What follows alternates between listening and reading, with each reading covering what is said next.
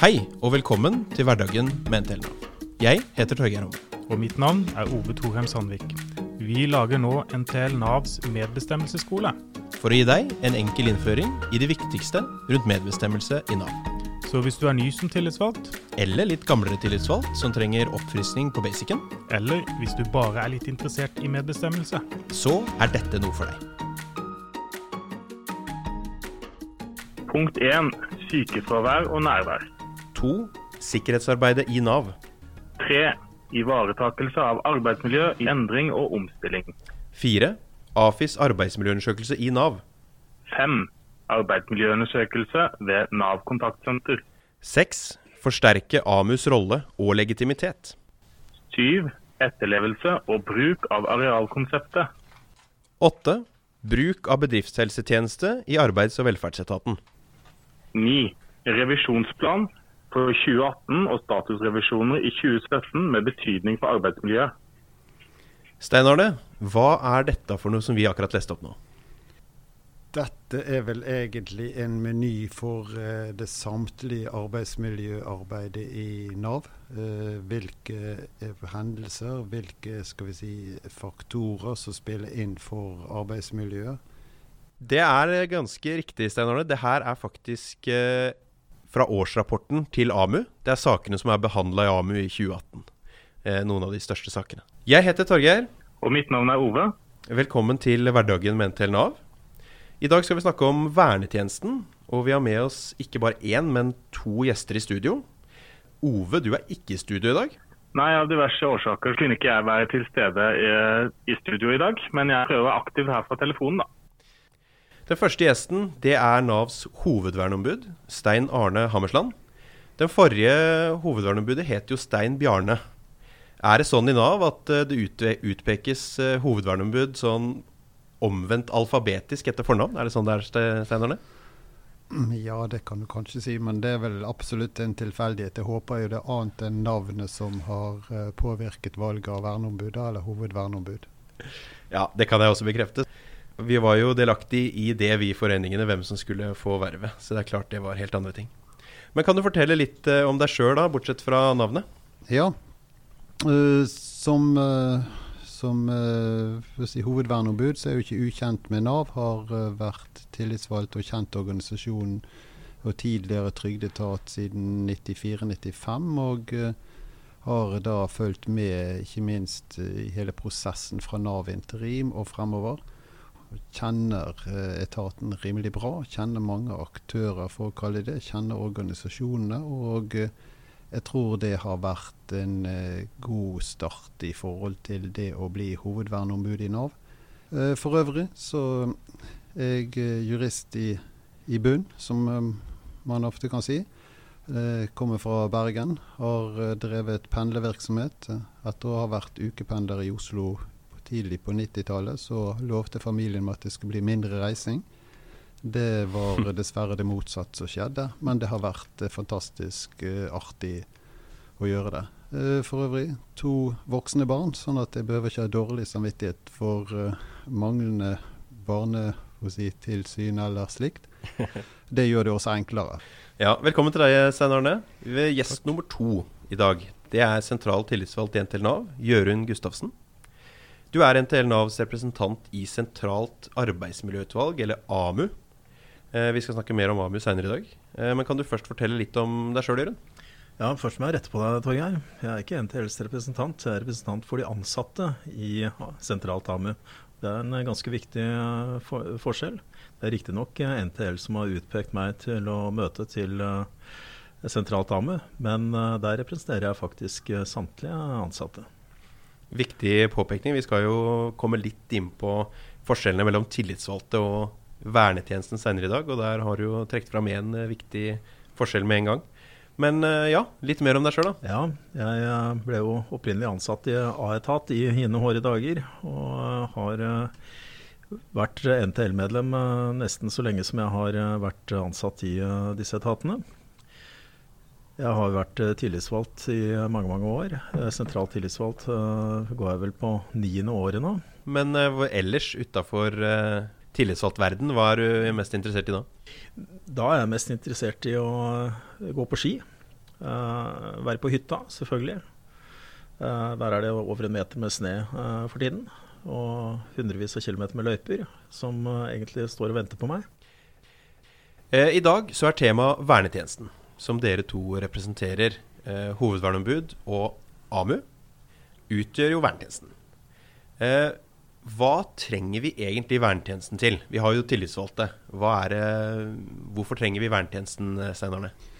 Vi trenger vernetjenesten fordi at uh, vi trenger et organ som har uh, overblikket, som Jørund sa, for alle ansatte. Ledere, medarbeidere. Vi trenger vernetjenesten fordi at vi må påse at arbeidsmiljølovens intensjoner blir fulgt. Og så må vi påpeke hele tiden at arbeidsmiljø er en god investering for at brukerne skal få det de skal ha på en god måte. Men det er betinget at vi har ansatte som opplever et godt, trygt arbeidsmiljø, mestring. Derfor trenger vi et sterkt, tydelig AMU i Nav. Så du møter i sentralt MBA, du møter i sentralt AMU, og du har ansvaret for en egen linje med eh, hovedverneombud ute i etaten. Eh, men eh, hvorfor trenger vi i tillegg til dette hovedverneombudlinja, hvorfor trenger vi AMU i tillegg? Hva er hovedoppgavene til AMU, Jørgen? Ja, Når du spør eh, om hva hovedoppgavene til AMU er, så må jeg vel svare på hva hovedoppgavene til det sentrale AMU er, eh, først og fremst. Mm. Og Det er jo også for et visst oppsyn med uh, vernetjenesten i hele etaten. At uh, vi går gjennom uh, sykefraværsstatistikk uh, for alle enheter. Vi ser på sikkerhetsarbeidet, at uh, dette henger sammen.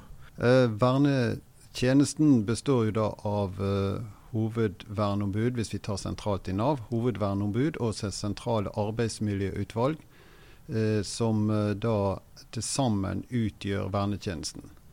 Eh, organisasjonene har utnevnt eh, Eh, medlemmer i arbeidsmiljøutvalget. Arbeidsgiversiden er også representert. Og vi har da saker som eh, relaterer seg til arbeidsmiljøet. Og eh, kort sagt så kan man jo si at nesten alt som skjer i Nav har en eller annen arbeidsmiljømessig side.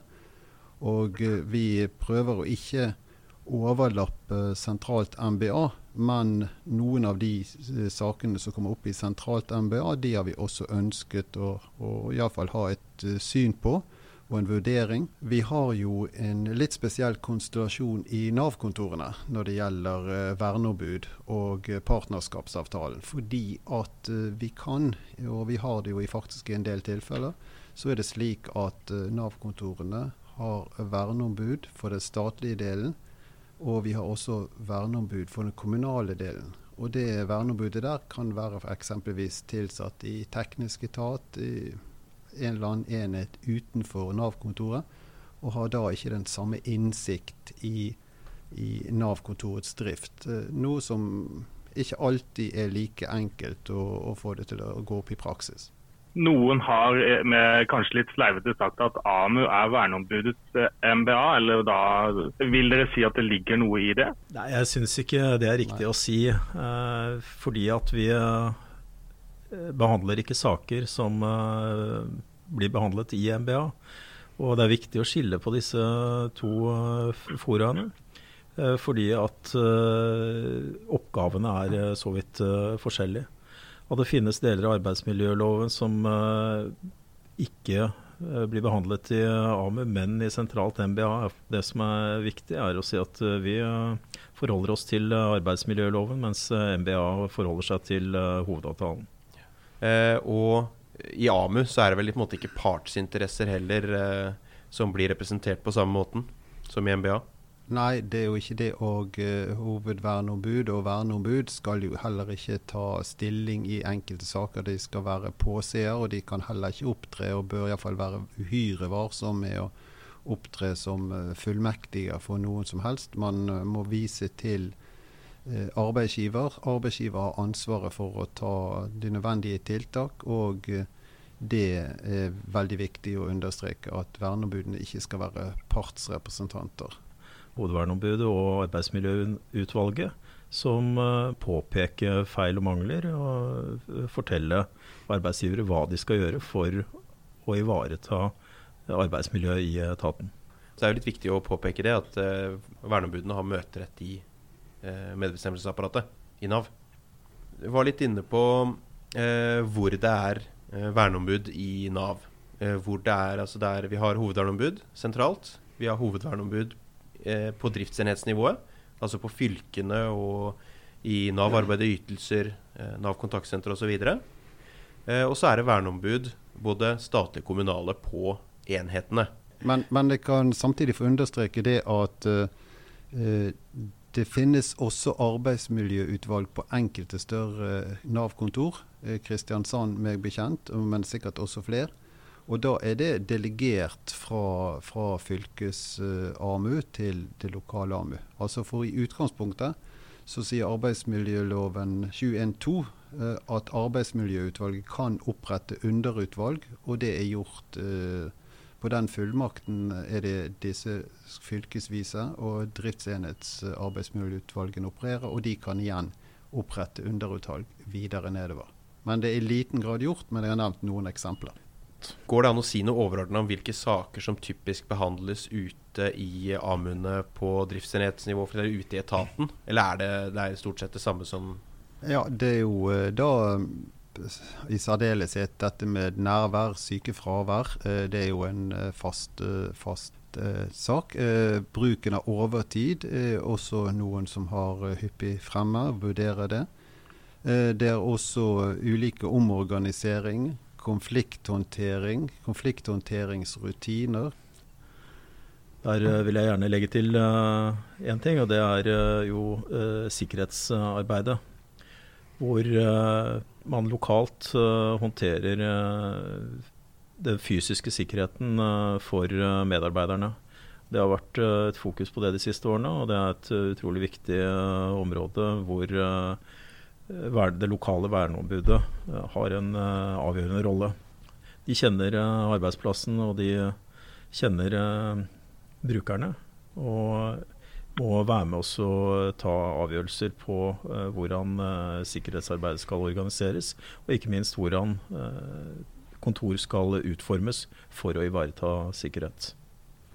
Eh, dessuten så er det risikovurdering. Det må også foretas i forhold til dette, og det er veldig viktig. Ikke minst i forhold til den mobilitetsløsning som nå uh, rulles ut, eller har blitt rullet ut på Nav-kontorene, der vi i stadig større grad møter brukerne utenfor fast kontorsted. Uh, det er i seg selv en risiko, og da må det være en risikovurdering i forhold til det. Jeg, jeg lurte litt på skillet mellom Altså Det finnes jo MBA ligger ned på enhetsnivå, mens eh, AMU ligger i utgangspunktet på driftsenhetsnivå. Men så er det oppretta, som dere sier, noen eh, AMU på enheter. og sånt. Det, ville det vært mer hensiktsmessig å ha flere AMU på, på enhetsnivå? Eller er det mer hensiktsmessig å organisere det sånn som det er ja, jeg tenker at det, det ikke minst den situasjonen nå når du får større enheter der uh, flere små Nav-kontor blir uh, større kontor, at det kan da være en vurdering. Men at den vurderingen bør uh, det fylkes-AMU ta i forhold til i, i, forhold til om de vurderer det slik at de kan dekke AMUs oppgaver på en god måte også fremover i forhold til de nye enhetene de har fått. Det, det, tenker jeg vil være en vurdering som, som sagt de må ta der. Men det bringer meg over på et viktig tema uh, også. At uh, både sentralt AMU og uh, AMU på driftsenhetsnivå og underliggende eventuelle AMU-er må hele tiden sørge for at de er relevant, at de må være, um, ha oversikt over hvordan arbeidsformer, arbeidsmåter, hvordan arbeidslivet i omgivelsene rundt Nav endrer seg, slik at de kan være obs på endringer som måtte komme. Nå er du jo litt inne på, på, på der hvordan, uh, hvordan uh, vernetjenesten uh, må gjøre seg relevant. Men hvordan vil dere si at vernetjenesten fungerer i Nav, sånn i stort?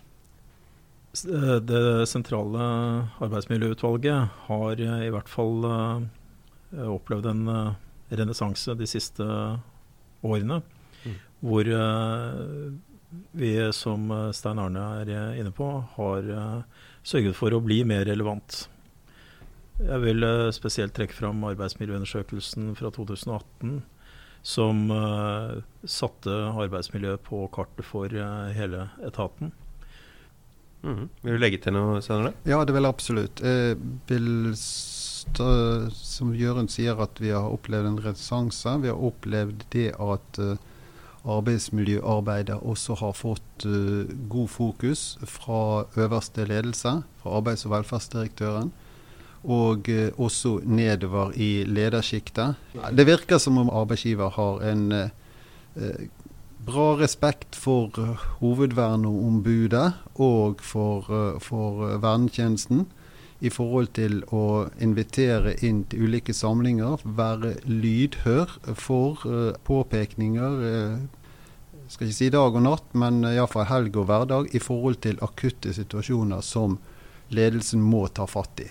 Og så er det som, eh, som Jørund er inne på også, at eh, vi må vite hvordan ståa ute i etatene. Vi må være ute. Vi må ha følere rundt omkring. Hvordan opplever den enkelte på, i arbeid og ytelser hverdagen sin? På et lite Nav-kontor, på et stort Nav-kontor. Hva, hva, følelser går de hjem med, hva opplevelser går de hjem med i forhold til både trusler, vold, hatytringer? Det er også en del av hverdagen. Og så må vi også si, banke fast gang etter gang, at Nav-ansatte skal ikke tåle alt de blir utsatt for. Det er viktig at den enkelte setter grenser. Det kan verneombudene, det kan hovedverneombudet, det kan vernetjenesten si. Men også den enkelte må sjøl være flink til å sette foten ned og si at 'dette aksepterer jeg ikke'. Jeg har inntrykk av at altfor mange aksepterer altfor mye. Folk som jobber i Nav, de er som eh, folk eh, flest. Det er jo 15 000 statlig ansatte i Nav. og Det er klart eh, det er store forskjeller på folk. Men til felles så tror jeg mange av de har det. At de har lyst til å hjelpe folk og gjøre en innsats. Og det er ikke bare lett. Det må vel være lov å si at det er ikke lønna som holder oss i den etaten? Nei, men det, til tross for det som Jørund sier her, som jeg kan være enig i, så, så opplever jeg at uh, Nav har 14 000 og tar med de kommunale og 19 000 fantastiske medarbeidere som står på langt utover det man kanskje kan forvente av at de skulle gjøre. Og Dette har også jeg som hovedverneombud påpekt overfor Sigrun Vågeng, og for så vidt statsråden i, ved gitte anledninger, at vi har en arbeidsstyrke som virkelig står på. Altså der Vi har mange ansatte som strekker seg ekstremt langt, jobber mye eh, for å hjelpe brukerne. Jeg tror vel også vi skal ha et fokus på dette med emosjonelt eh, press. At uh, man faktisk uh, går hjem med dårlig samvittighet. At dette er, er med på å påvirke arbeidshverdagen til våre medarbeidere. Og at dette er noe som faktisk også gir utslag på bl.a. sykefravær. Et godt arbeidsmiljø opplever den ansatte et godt arbeidsmiljø, så er det utrolig hvor, hvor langt det går før buen brister. Eh, det dårlige arbeidsmiljøet, da, da, er kanskje ikke det så lang vei til, til verken sykefravær eller, eller fravær på annet grunnlag. Det det handler om, har man mestring, har man samarbeid og kollegaer. Og arbeidsmiljø er jo, har vi kanskje ikke nevnt uh, her, men Arbeidsmiljø det handler om arbeidet, og det dreier seg om organisering, planlegging og gjennomføring. Vafler, eh, kaffe etc. etc. er tilleggselementer som er kjekt å ha, men det er egentlig ikke arbeidsmiljø. Vi er eh, ganske flinke til å påpeke negative faktorer. Men det vi også må huske på i den sammenhengen der, det er at et eh, godt arbeidsmiljø med muligheter for læring med muligheter for mestring, i veldig mange tilfeller og i stor grad motvirker de negative effektene. Vi har altfor lett for å fokusere på de negative sidene. Men eh, tross alt, de aller fleste av oss er på jobben hver dag. Og jeg tror også at de aller fleste av oss trives på jobben. Vi har fantastiske kolleger, og vi har interessante arbeidsoppgaver. Og det til sammen gjør eh, at vi har det bra på jobben. Du var jo inne på, på litt der, eh, Stein Arne, at hva er egentlig arbeidsmiljø? Da har jo du eh, gitt et svar på det, og jeg syns det, det, er viktig. Eh, rammen rundt eh, jobben, det er det som er arbeidsmiljø. Eh, og det er ikke et synonym med trivsel. Eh, vernelovene, første fabrikktilsynsloven i 1892 og arbeidervernloven av 1936 og 56, så handler det jo om å rett og slett eh, sikkerhet og ja, kan, du si at unngå at folk dør på jobben, omtrent. Altså det er rammene det er fokus på. Og selv om det nå heter arbeidsmiljøloven, så er det klart at det verneaspektet kan kanskje bli litt borte. Eh, men eh, du sa litt om det, Stein Arne. Men hva, hva tenker du, Gjøret? Hva er arbeidsmiljø? Jeg tror at når vi snakker om arbeidsmiljø, så er det først og fremst det psykososiale arbeidsmiljøet. Interaksjonen mellom kolleger, mellom kolleger og ledere organisering av arbeid uh, osv. Det er der uh, vårt arbeidsmiljø befinner seg. Veldig viktig i denne sammenheng å påpeke det at vi skal levere på et samfunnsoppdrag. Vi har noen oppgaver. Og at arbeidsmiljø er en av de viktigste faktorene for at vi skal levere godt på det. Man kan gjerne kalle det at arbeidsmiljø er oljen i girkassen. Mm. Mangler oljen, så slutter maskinen eller giret å virke. Og det tenker jeg er kjempeviktig at vi får med oss i dette. Og Det må være tillatt å nevne at disse kuttene vi får i budsjettene, de er også en eh, faktor som kan virke inn i, i arbeidsmiljøet. Og uh, man hvert fall være obs på eventuelt negative virkninger på det. Og det er jo slik at uh, din kollega, eller du er en del av din kollegas arbeidsmiljø. Det er litt viktig også jeg ville bare i hvert fall si det at eh, arbeidsmiljø det har selvfølgelig med trivsel å gjøre. Er det et godt arbeidsmiljø, så vil det kunne være høy trivsel. Men det er ikke det samme. Eh, for det, eh, det kommer også veldig an på den enkelte. Noen vil jo kunne trives godt når de står med hakka ned en, eh, langt nede i en gruve og puster inn kullstøv og syns det er helt topp. Men det betyr altså ikke at arbeidsmiljøet er bra. På den annen side så må vi heller ikke underslå effekten av trivselsfremmede tiltak. Mm en kake på fredagseftan kan ha en positiv effekt også på arbeidsmiljøet. Det er sant. Ja, jeg er absolutt enig i det som Jørund sier, men så er det òg viktig å huske det at arbeidsmiljøet kan være forskjellig fra arbeidsplass til arbeidsplass og krever litt ulike tilnærminger både i vurderingen i forhold til eh, faktorer som bedrer eller svekker, sånn at man er obs på de lokale forholdene. Ja, jeg hører jo at det er jo litt uenighet eh, i helt hva kjernen av arbeidsmiljø er. Sånn som det høres ut for meg, iallfall. Og jeg tenker det går litt i kjernen av hvordan arbeidsmiljø er eh, forstått i arbeidsmiljøloven, med tanke på at det er både psykososialt, organisatorisk og fysisk. I tillegg til at noen kanskje nevner kjemisk og ergo, ergonomiske arbeidsmiljø som egne forhold. Og det blir veldig vanskelig å ha en helhetlig definisjon på det. da. Der vil jeg nå tillate meg å være litt uh, uenig i forhold til det du fremlegger der. Fordi at uh, jeg opplever et sentralt AMU bekjenner seg, for å bruke det uttrykket, til at arbeid, arbeidsmiljø handler om arbeidet, organiseringen og planlegging og gjennomføring. Uh, men så er det klart at vi har også Eh, de faktorene som du sier, med kjemiske eksponeringer. Vi har også fysiske eksponeringer. Eh, bare tenk på, på Hjelpemiddelsentralen som en stor logistikkbedrift. Bruker kjemikalier, har uh, hyller høyt under tak og vil være kun utsatt for en annen vurdering enn et lite Nav-kontor eller et stort Nav-kontor eller andre enheter som mer har det psykososiale. Men, så vi, vi har egentlig alle aspekter i Nav. Sten Arne, du er jo egentlig eh, en veldig mektig person. Du kan med hjemmel i arbeidsmiljøloven stanse hele arbeidet. Uh, har du gjort det før? Nei. Uh, sentralt, uh, eller hovedverneombudet i Nav har ikke stanset arbeidet, men det har derimot hovedverneombud ute i, i enhetene gjort, der man har villet presse for mange mennesker inn i, på et for lite areal der man har uh, villet ta i bruk areal som, uh, som, er uegnet til arbeidsplasser. Der har det blitt sagt, satt fot ned og sier at dette kan ikke brukes, selv om hele kontoret som sådan ikke ble stengt, men deler av arealet ble stengt. Slik at jeg opplever det som et symbol på at uh, hovedverneombudene ute er veldig bevisst på akkurat det forholdet der. Vernetjenesten har vi snakka en del om nå, er viktig for arbeidsmiljøet i Nav. Men har arbeidsgiver også et ansvar for arbeidsmiljø? Det er de som har ansvaret for arbeidsmiljøet. Hva går det an å si om hva det ansvaret består av? Ja, veldig kort å sørge for at eh, folk har det bra på jobben. Ja, og at det er i samsvar med de krav, minimumskrav som arbeidsmiljøloven setter.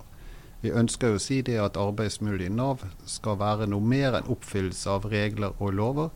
Det skal være et uh, et arbeidsmiljø som går litt lenger enn det. Men eh, det blir også viktig å påpeke at arbeidsgiver har det ansvaret som Jørund sier. Og det er også viktig å fortelle eh, engasjerte og motiverte verneombud, hovedverneombud, at de må ikke ta på seg mer enn det som ligger i rollen, nemlig et påseerrolle. Men Arbeidstilsynet har jo en rolle. Arbeidstilsynet skal følge opp at virksomhetene ivaretar sitt ansvar etter arbeidsmiljøloven. Eh, hvordan forholder du deg til Arbeidstilsynet, Steinarne? Har det noe med de å gjøre? Ikke det, ikke det daglige, men eh, vi har jo hatt uh, Arbeidstilsynet har vært i Nav og drevet en del opplæringsvirksomhet i de enkelte fylker. Vi bruker også det kan vi si, vi bruker chattjenesten. Kan anbefale det. Slå et slag for chattjenesten til Arbeidstilsynet. Har man spørsmål, så kan man bruke den. og så kan man skrive ut uh, de svarene og den dialogen som har vært underveis, som må ha med som et dokument i saken. Veldig greit å få avklaringer uh, direkte der og da. Og Det brukes en god del av, uh, av hovedverneombudene, og sikkert også av verneombudene ute. I tillegg så må det jo nevnes at Arbeidstilsynet har gjennomført tilsyn hos Nav. Dere har begge vært inne på at det ble gjennomført en stor arbeidsmiljøundersøkelse i Nav i 2018. Eh, hva kom fram i den undersøkelsen, eh, Jørund? Det var jo Arbeidsforskningsinstituttet som eh, gjorde denne undersøkelsen for oss. Og de utfordringene som de kom opp med, var først og fremst at Nav-ansatte har en svært høy arbeidsbelastning og et høyt arbeidspress. Og da snakker vi om kvantitative krav i jobben. Uh, utover det så sa de at det var mangel på tydelige prioriteringer. Altså hvilke arbeidsoppgaver som skulle løses først, hvilke som var viktigst osv. Det uh, leder også videre til at de mange Nav-ansatte har lav medvirkning og mangler da egenkontroll i arbeidshverdagen. Til slutt også dette med brukermøtene at eh, de kan være belastende. Eh, det er ikke bare de fysiske møtene, men eh, også de som har brukermøter per telefon. Emosjonelt stress er en faktor som vi blir utsatt for i Nav. Og det koster å møte mennesker i en vanskelig livssituasjon. Mm. Og det er jo faktisk en del av jobben til veldig, veldig mange i Nav. Ja, Det er litt viktig også eh, å um, se hva de arbeidsmiljøfaktorene som er målt i undersøkelsen var, uh, som uh, fikk de svarene som for så vidt Jørund tok opp der. Nemlig at det var målt belastningsfaktor kontra mestringsressurser. Uh, av, av, belastningsfaktorene så, så, kan jeg få trekke frem det som også er nevnt her før, men like viktig emosjonelle krav, relasjonelt arbeid, trakassering og konflikter, kvantitative krav, kognitive krav og rollekonflikt. Til å oppveie det har vi de såkalte mestringsressursene, som da er kontroll i jobben, medvirkning i jobben, rolleklarhet, læringsmuligheter, organisering, ytringsmuligheter, kollegastøtte, lederstøttelse og kvalitetsledelse og integritet i jobben. Og så er det jo da også selvfølgelig andre faktorer som fysisk arbeidsmiljø, omstilling, tilrettelegging ved eh, sykefravær, arbeidsglede, mestring og motivasjon. Nå har du sagt litt om hva som kom fram i arbeidsmiljøundersøkelsen, men hva var altså tiltakene som ble foreslått eh, for å gjøre noe med dette? Ja, det var uh, AFI kom med ti punkter, uh, ti anbefalinger for å forebygge sykefravær. Jeg skal ikke ta alle ti her, men jeg har lyst til å begynne med den siste først. Nemlig å fremme holdningen om at arbeidsmiljø er en god investering. Og god opplæring og rom for kollegaveiledning, tilrettelegging av det fysiske arbeidsmiljøet. Noe som ikke er like enkelt er punkt nummer tre, som de sier. Juster arbeidsmengde etter kapasitet. Eh, og så er det øke medvirkningen nedenfra til toppen, spesielt i omstillingsprosesser. Og det er jo noe vi er inne i, har vært inne i og vil sikkert bli inne i fremover. Nei, jeg er egentlig helt uh, enig. Det jeg, som du ikke snakket så mye om, uh, Stein Arne, var jo dette med mål- og resultatstyring. Som uh, AFI påpekte at var sterkt fremtredende i etaten. Og de anbefaler oss jo å gå inn i en diskusjon om hvordan resultater skal nås og hvordan de skal følges opp. og selvfølgelig da at vi skal snakke like mye om kvalitet som kvantitet. Jeg syns det er viktig å påpeke innretningen på arbeidsmiljøundersøkelsen. For det var jo ikke sånn at hva skal jeg si, arbeidsgiver sto i kø for å støtte oss i kravet om å gjennomføre denne arbeidsmiljøundersøkelsen. Men det kom til et ganske viktig vending, vendepunkt da tidligere hovedverneombud Stein Bjarne Larsen og jeg stilte spørsmål om vi kan med hånda på hjertet si at vi vet hvorfor sykefraværet er så høyt i Nav, og om vi ønsker å finne ut noe om dette her. Det var det som eh, snudde arbeidsgiver. Som jeg pleier å si, vi sitter tross alt inne og jobber. Vi er beskyttet fra vær og vind. Og vi har en relativt uh, behagelig arbeidsstilling alle sammen.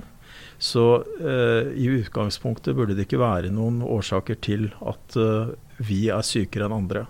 Så konklusjonen min, og etter hvert sentralt Hamus, er jo at uh, folk blir syke av å jobbe i Nav. Det er faktorer i uh, arbeidet i Nav som gjør at folk blir sykere her enn ellers. Ja. Hva er etter deres vurdering positivt med arbeidsmiljøet i Nav? Jeg tror det aller, aller viktigste det er den kollegialiteten som medarbeiderne i Nav opplever. Det er det forholdet medarbeiderne har seg imellom som uh, gjør at de utvikler seg faglig. Jeg tror den er viktigere enn den opplæringen de får. Jeg tror at møtet med brukerne, at man opplever at man faktisk kan gjøre en forskjell for mennesker i en vanskelig situasjon, er det aller, aller viktigste. Jeg har også lyst til å påpeke det at uh, risikovurdering er noe som arbeidsmiljøloven setter frem at det skal det foretas. Risikovurdering er såpass spesielt f.eks. ved endringer at arbeids, arbeidsmiljøloven har fastsatt en egen bestemmelse om det. Og Risikovurdering skal jo være til hjelp, slik at vi kan identifisere og minimere risikoen. Og vi kan ikke unngå det helt, men være forberedt. Og det er jo en grunnlag for at vi skal nå det målet vi, vi, skal for å levere på samfunnsoppdraget. Hvis ikke vi klarer å identifisere de risikoene som finnes, så kan det godt hende at vi ikke oppnår det vi skal ha. Jeg syns det er viktig også å understreke her at uh, sentralt AMU ikke bestemte noen generelle, sentrale tiltak uh, i uh, etaten på bakgrunn av dette her. Men uh, de ti uh, forslagene ligger jo mer som et smørgåsbord for uh, enhetene å forsyne seg av. Så nå er det faktisk opp til enhetene å finne ut hvilke forhold som stemmer med, med de gjeldende forhold hos dem. Og da benytte seg av de tiltak som er anbefalt. Er det noe deres brenner inne med som dere gjerne skulle ha sagt om arbeidsmiljø før vi eh, runder av? Jeg vil gjerne si at eh, det er vel slik, eh, som jeg opplever det det siste året, at arbeidsmiljøarbeidet er kjempeviktig. Det er kjempeviktig for alle ansatte. Det er også viktig for brukerne, og jeg vil skryte av uh, samtlige som vi er i kontakt med i forhold til å være både hovedverneombud og verneombud ute. En innsats og et engasjement som uh, jeg syns vi skal være veldig stolte av i Nav. Og det gjelder å vedlikeholde og utvikle det fra den gode basisen vi har. Ja, det er jo, eh, Du sier jo noe der, altså det å være verneombud og også det å ta på seg verv som tillitsvalgt, det er jo veldig spennende. Samtidig så er det jo krevende. Det er noe man gjør uh, i tillegg til jobben sin. Uh, men har dere noen av dere en uh, historie som gjør det verdt det å ta på seg et sånt verv, eller som verne, som viser at vernetjenesten eller fagforeninga trengs? Ja, jeg har tenkt på det. Fordi at jeg har i den tiden som vi var med så hadde vi en turné der som begynte faktisk med å kjøre til Sogndal andre påskedag. Møte veldig mange flinke, flotte ansatte som skal danne eh, ny enhet. De hadde ikke så mye eh, regler eller eh, retningslinjer, og de skulle finne det ut. Men vi fikser det meste sjøl, sier de. Og vi elsker jobben vår. Da gjenstår det for meg bare å takke begge gjestene for at dere kom. Og uh, ha det bra. Takk for meg. Takk for meg også. Ha det godt. Takk til deg som hørte på.